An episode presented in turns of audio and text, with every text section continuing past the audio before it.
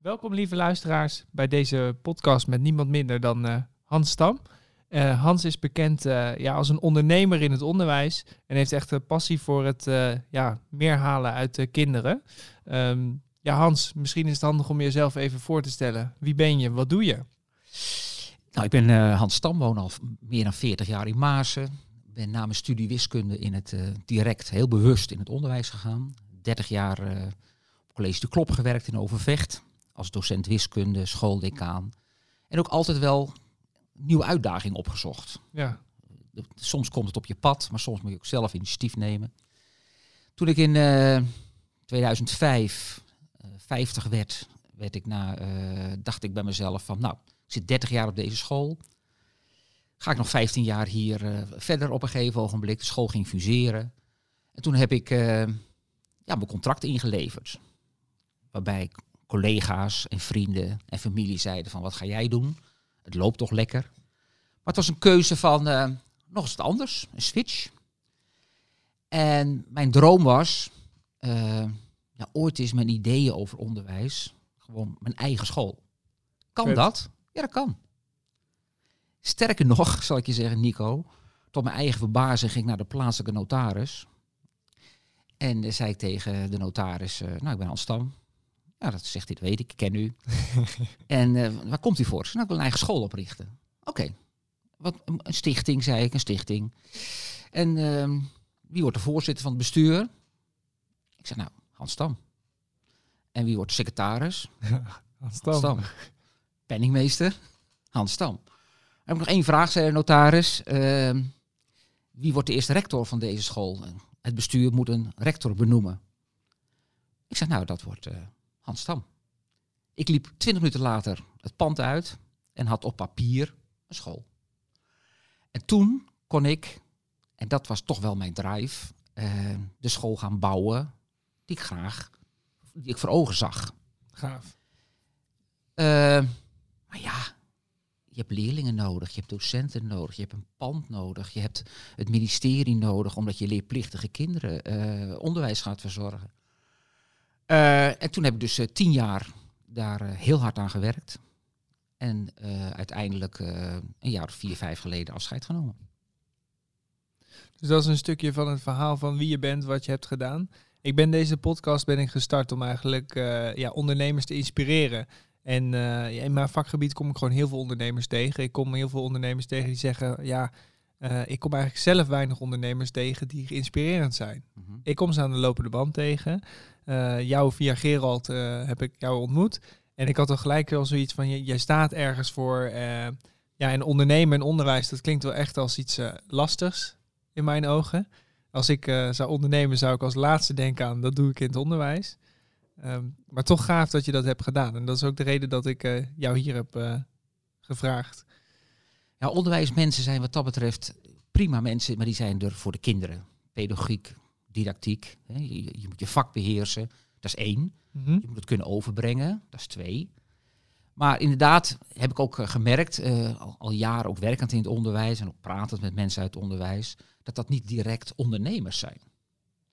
En dat is eigenlijk jammer.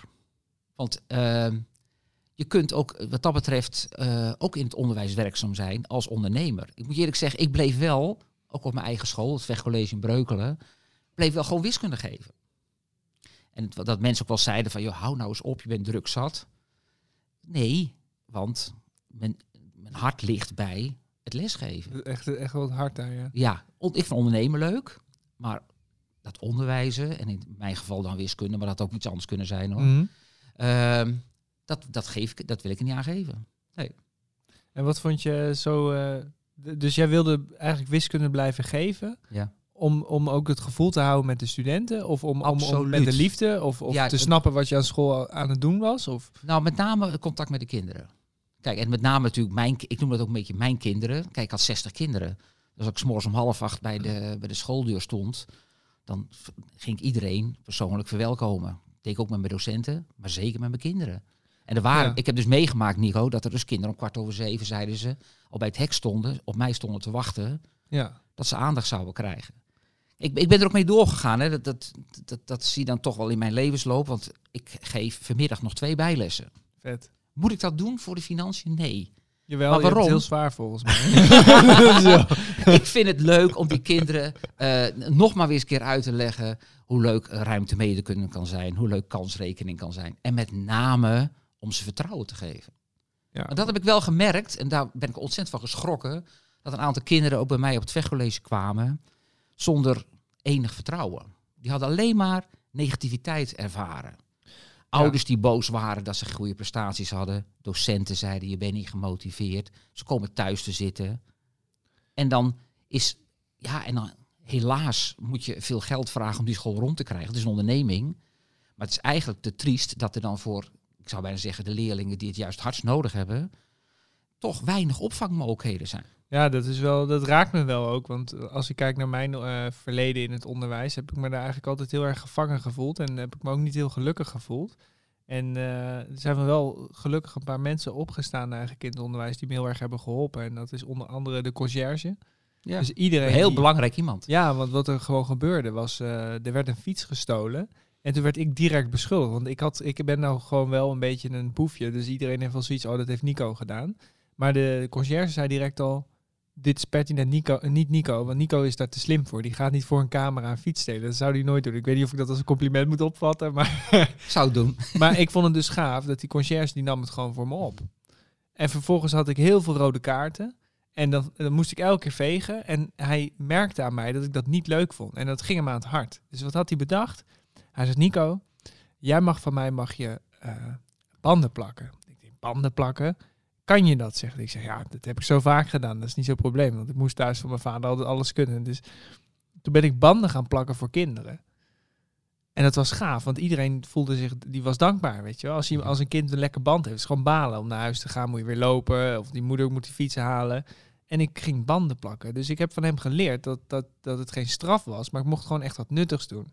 En alles wat ik op school aan het doen was, wiskunde en alles, ik zag het nut er niet van in op dat moment. Hè. Nee.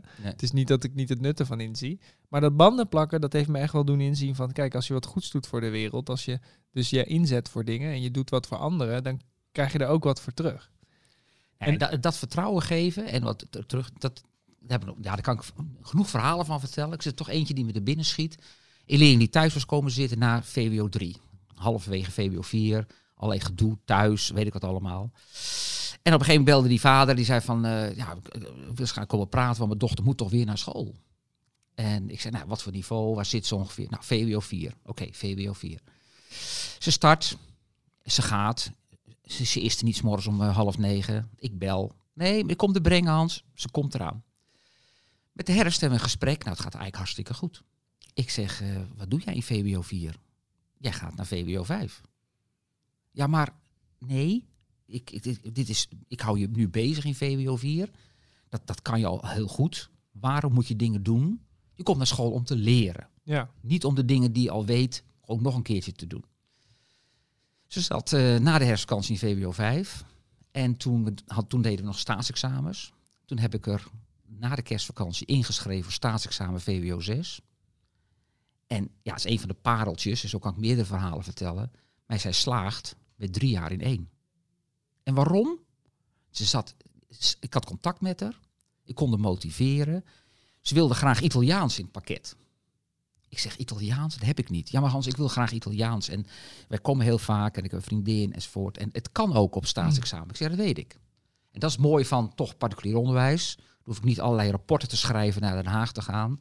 Ik heb Italiaans ingevoerd. ja. En, en wat ik me dan afvraag... is het dan dat het... Is het dan eh, dat er ook een financiële vergoeding voor jou in zit? Dat jij je heel ondernemend in het onderwijs neer kan zetten? Want in principe zou elke mens toch kunnen denken, binnen, ook binnen het huidige onderwijs, van ik ga voor die leerling. Maar is het dan dat die vergoeding, dat als je gaat ondernemen, ben je ze ook zelf, ja, als je een goede tent neerzet, waar iedereen naar zijn zin heeft en waar een goede naam uit voortkomt, dan krijg je er ook wat voor terug. Is dat nou de essentie waarom dat dan gebeurt? Of waar, waar ligt dat nou? Nou, de kern was natuurlijk dat de groepsgrootte. Hè? Kijk, eh, de klassen waren vier, vijf groot. Dus kinderen krijgen bijna privéonderwijs. Ja.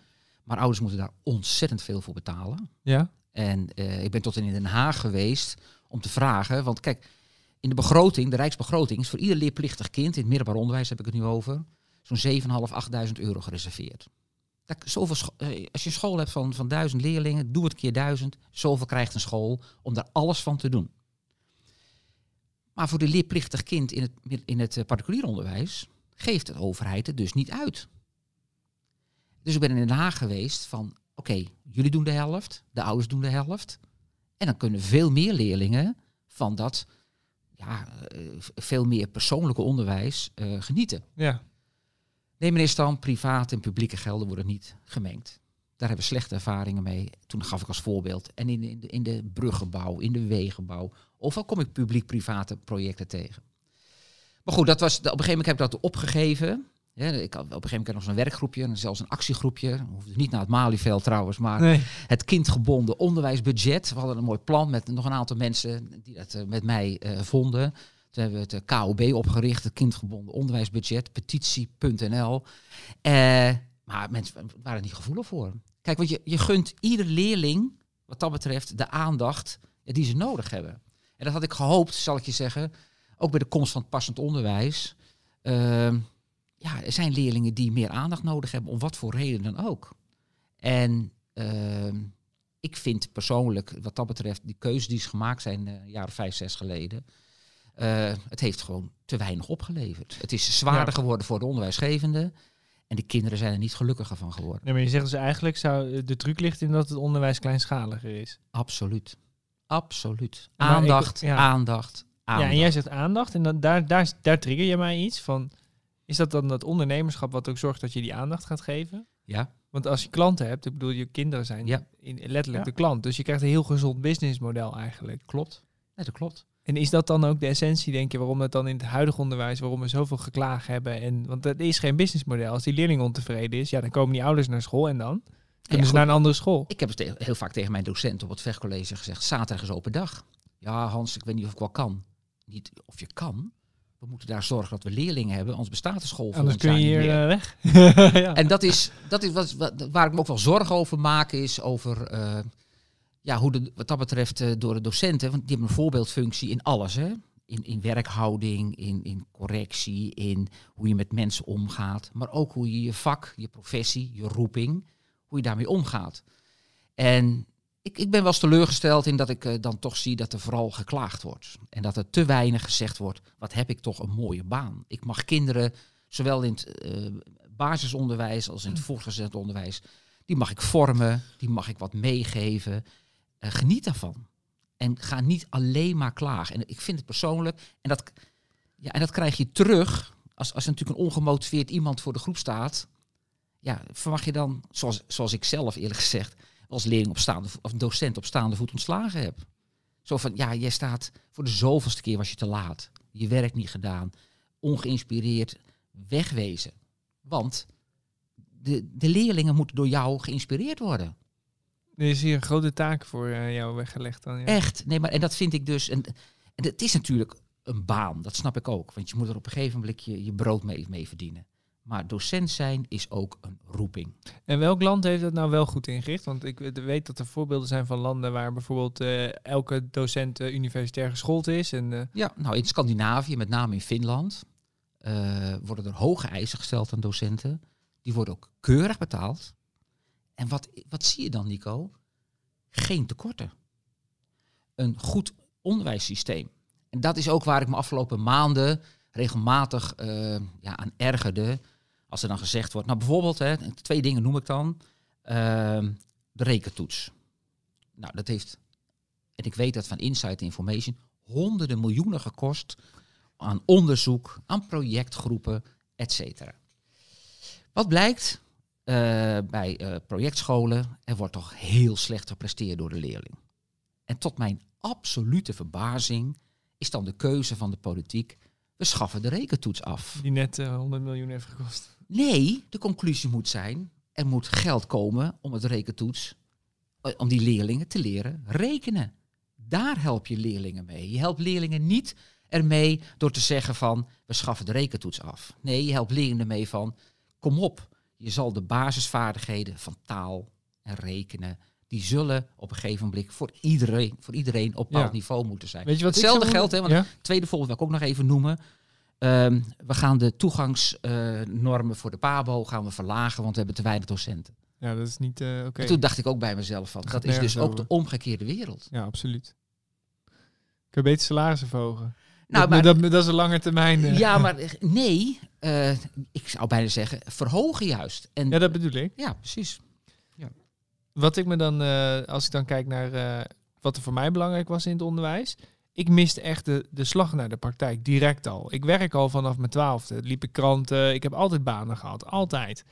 Maar dan had ik echt zoiets van, ja, waarom zou ik nu in godsnaam hier op school voor jou die oefentoets maken? Heb ik toch helemaal geen zin in? Kan ik niet gewoon een game spelen of iets doen wat ik leuk vind, wat me waarde biedt? Kan ik niet werken, kan ik niet iets doen, want het voelt zo... Waarom moet ik hier oefenen? Laat me gewoon onderdeel zijn van de maatschappij. Ik vond het zo raar en nog steeds. Waarom zijn we al die oefeningen aan het doen? Nou ja, en dan praat je met een wiskundige, hè? Ja, nou, dat met wordt helemaal leuk. Waarvan natuurlijk altijd gezegd wordt, dat is saai, dat is vervelend, dat is moeilijk. En ik, eh, ik, ik, ik deel helemaal jouw mening wat dat betreft. Ik vind wat dat betreft dat zo langzamerhand in het onderwijs eens een keer gezegd moet worden van gaan... Dus ja, ik noem het altijd, gooi de school open. En daarmee bedoel ik dat er met de leerlingen naar buiten gegaan moet worden. Maar ook dat er mensen van buiten in die school gehaald moeten worden. Waar- een maatschappelijk... Ja, kijk, waarom, kijk, eh, waarom is ook bijvoorbeeld voor mijn eigen vak wiskunde het ene jaar een heel leuk, een heel leuk en interessant vak. En de volgende jaar, oh wat een stom vak, ik ben helemaal niet gemotiveerd. Dat ligt niet aan het vak wiskunde, maar dat ligt aan die inspirator. Ja, maar het is ook de de toepassing van wiskunde. Want als ik En dan wiskunde denk ik aan doen- wiskunde, denk ik van ja, oké. En dan vraag ik aan eh, op feestjes en zeg hey Hans, ken je de stelling van Pythagoras? En dan vraag ik aan iemand, ken, ja, a kwadraat plus b kwadraat is c kwadraat. En dan vraag ik, weet je ook nog waar het over gaat? Nee, ja, nee, ik heb geen idee waar het over gaat. Als je dan zegt van, weet je nog die ladder van 10 meter? En dan zet je hem 6 meter van, de, van het huis af. Dan kom je tot een raam van 8 meter. Oh, ja, maar wat is dan? Nou, omdat 6 kwadraat plus 8 kwadraat 10 kwadraat is. Hetzelfde geldt voor meetkunde. Kijk, wi- wiskunde is wat dat betreft natuurlijk toch een breed vak met heel veel gebieden. Ja, Ga naar de kubuswoningen. Dat heb ik dus gedaan met mijn school. Excursie naar Rotterdam. Dan Ja. pak je ook nog een heleboel andere mooie dingen in Rotterdam van de mee. week toevallig. Ja. En dan ga je zeggen van de kubuswoningen. En daar is materiaal voor. En daar ga ik een lesje ruimtemeetkunde geven. Ja, maar dat, dan wordt het in de praktijk. En dan helemaal als je daarvoor ook nog problemen oplost. Bijvoorbeeld, je kunt kinderen ook gewoon geld geven en zeggen: ga maar naar de supermarkt en ga iets kopen. Ja. Het is heel simpel, maar dat moet je ook rekenen. Ik bedoel, ik, ik merkte dat heel erg in het onderwijs. Dat ik echt dacht: van waarom zit ik hier te oefenen als ik daarbuiten het mag doen? Nou, Sluit daar, schrik ik, daar schrik ik van. Ik heb vanmiddag weer twee bijlessen. HAVO 5 wiskunde A en VWO 6 wiskunde A. En ik moet je heel eerlijk zeggen dat het regelmatig niet over wiskunde gaat. Maar over de basisvaardigheden.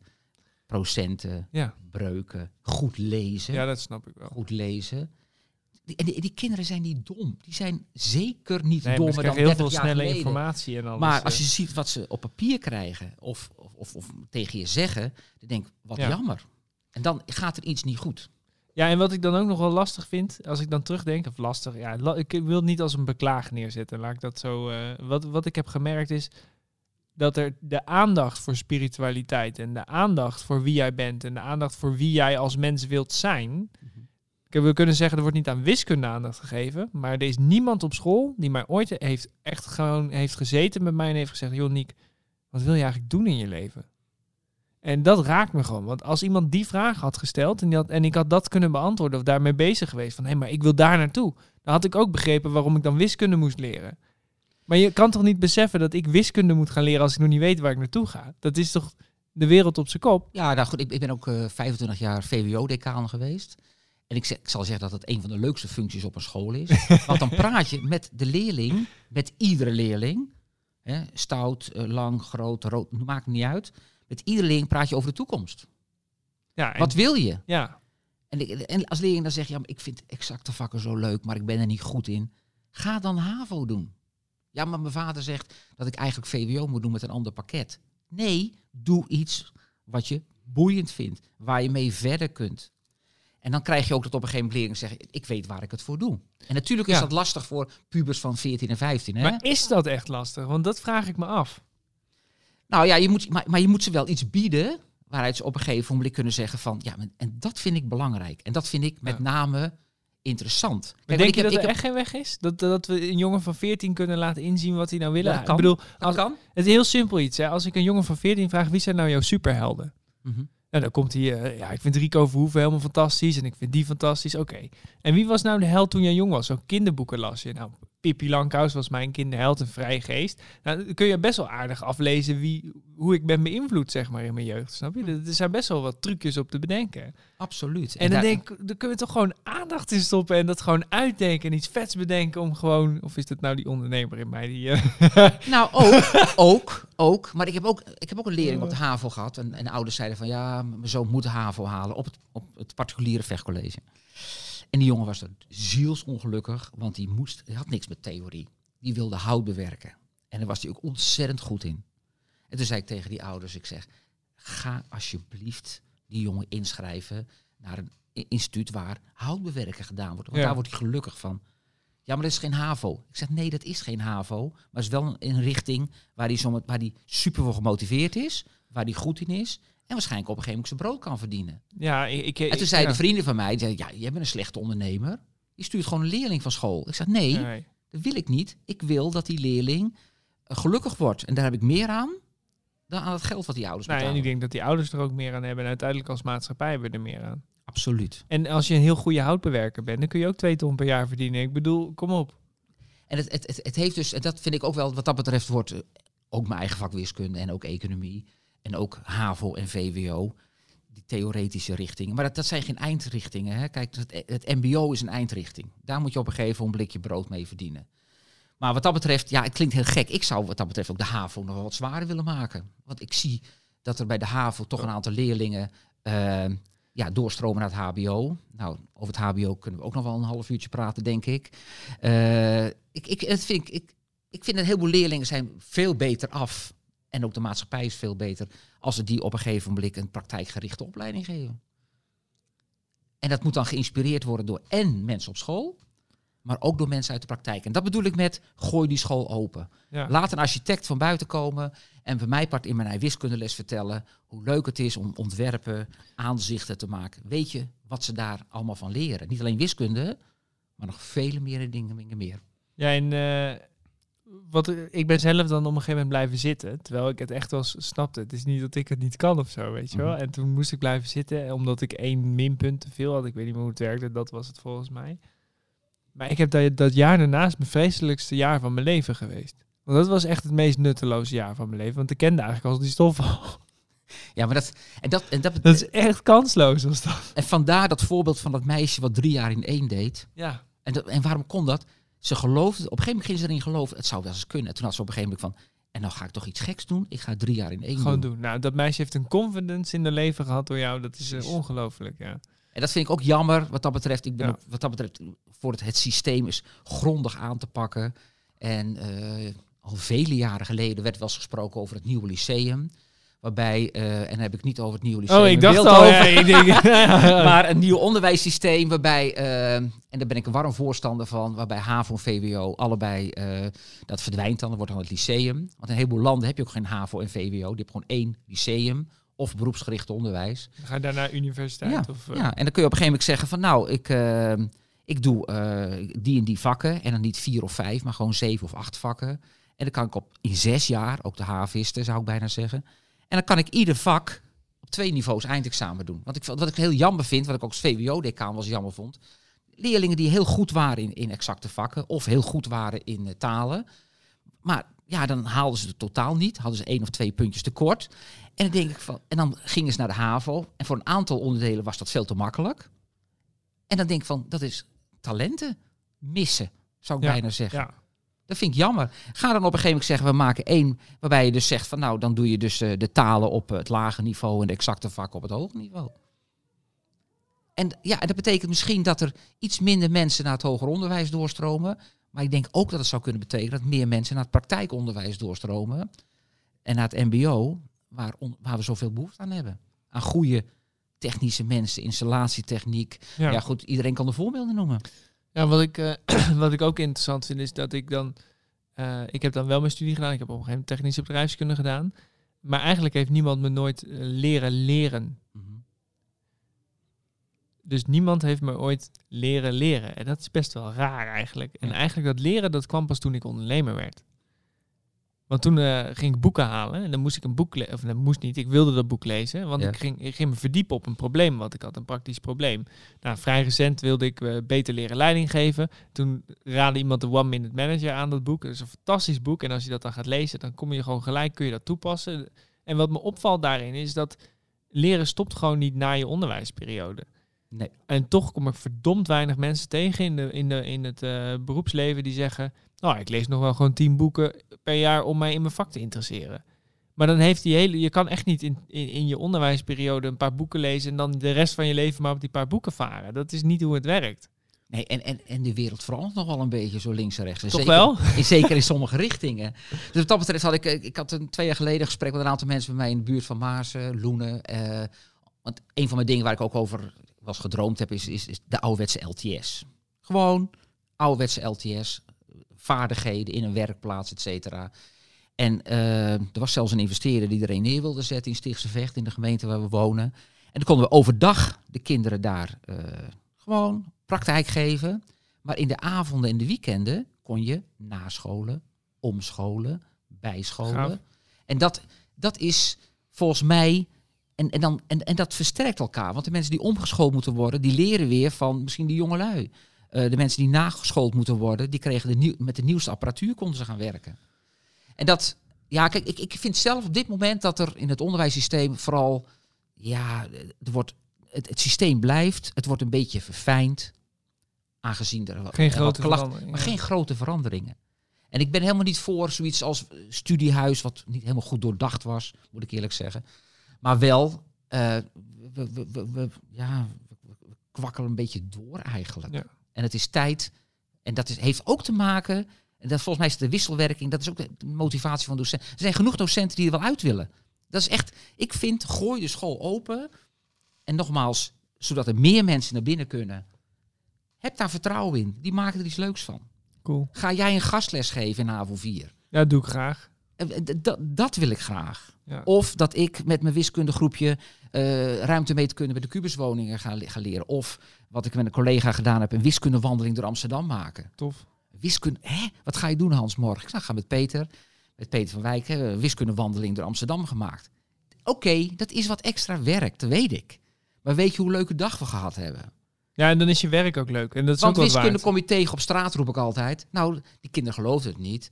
Maar met pijlstokjes, met eh, cirkels, met nou, over de oppervlakte van de cirkel. Het was, het was een hele, bovendien, wiskunde.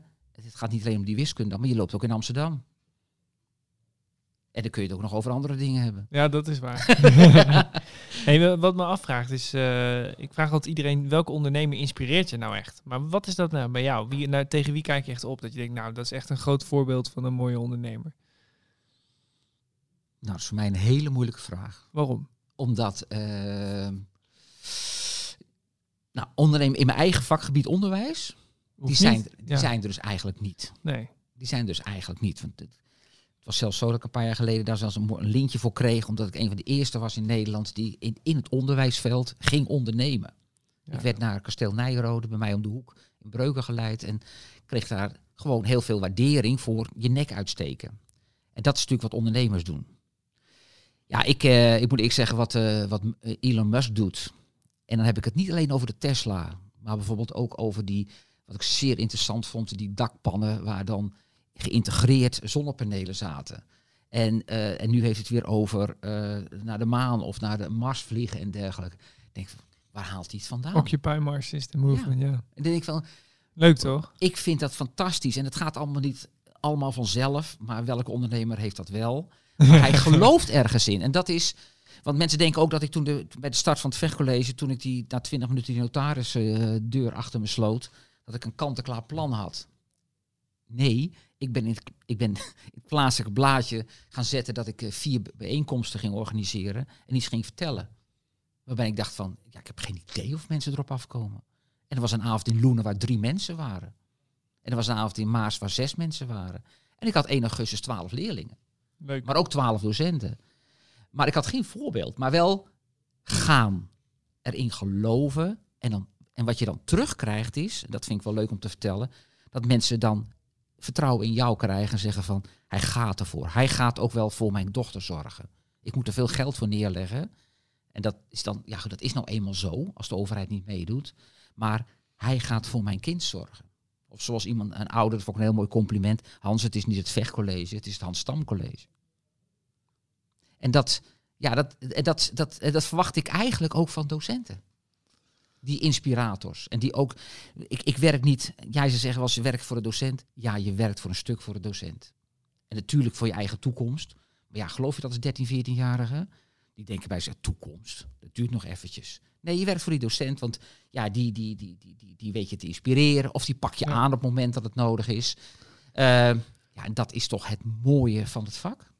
Wat ik er collectief uit kan halen is dat we eigenlijk allemaal met een beetje passie naar het onderwijs zouden moeten kijken. En allemaal als maatschappij ons eh, een steentje zouden moeten bijdragen. Het is, Scholen deuren open, eh, ondernemers naar binnen, maar ook de werknemers naar binnen. En eh, met elkaar helpen voor een betere maatschappij. En dat heeft met de maatschappij te maken, maar het heeft zeker ook met de schoolorganisatie te maken, want die moeten zich daarvoor openstellen.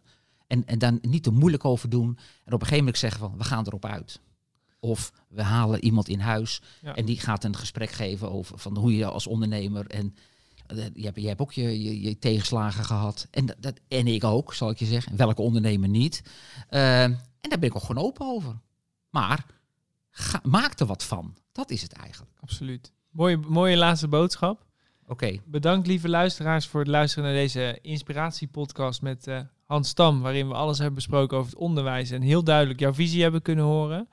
Mooie bijdrage. Wat ik het mooiste vind eigenlijk van deze podcast is dat je gewoon heel duidelijk proeft en voelt de liefde voor de kinderen en om hun echt een stukje verder te brengen in het leven.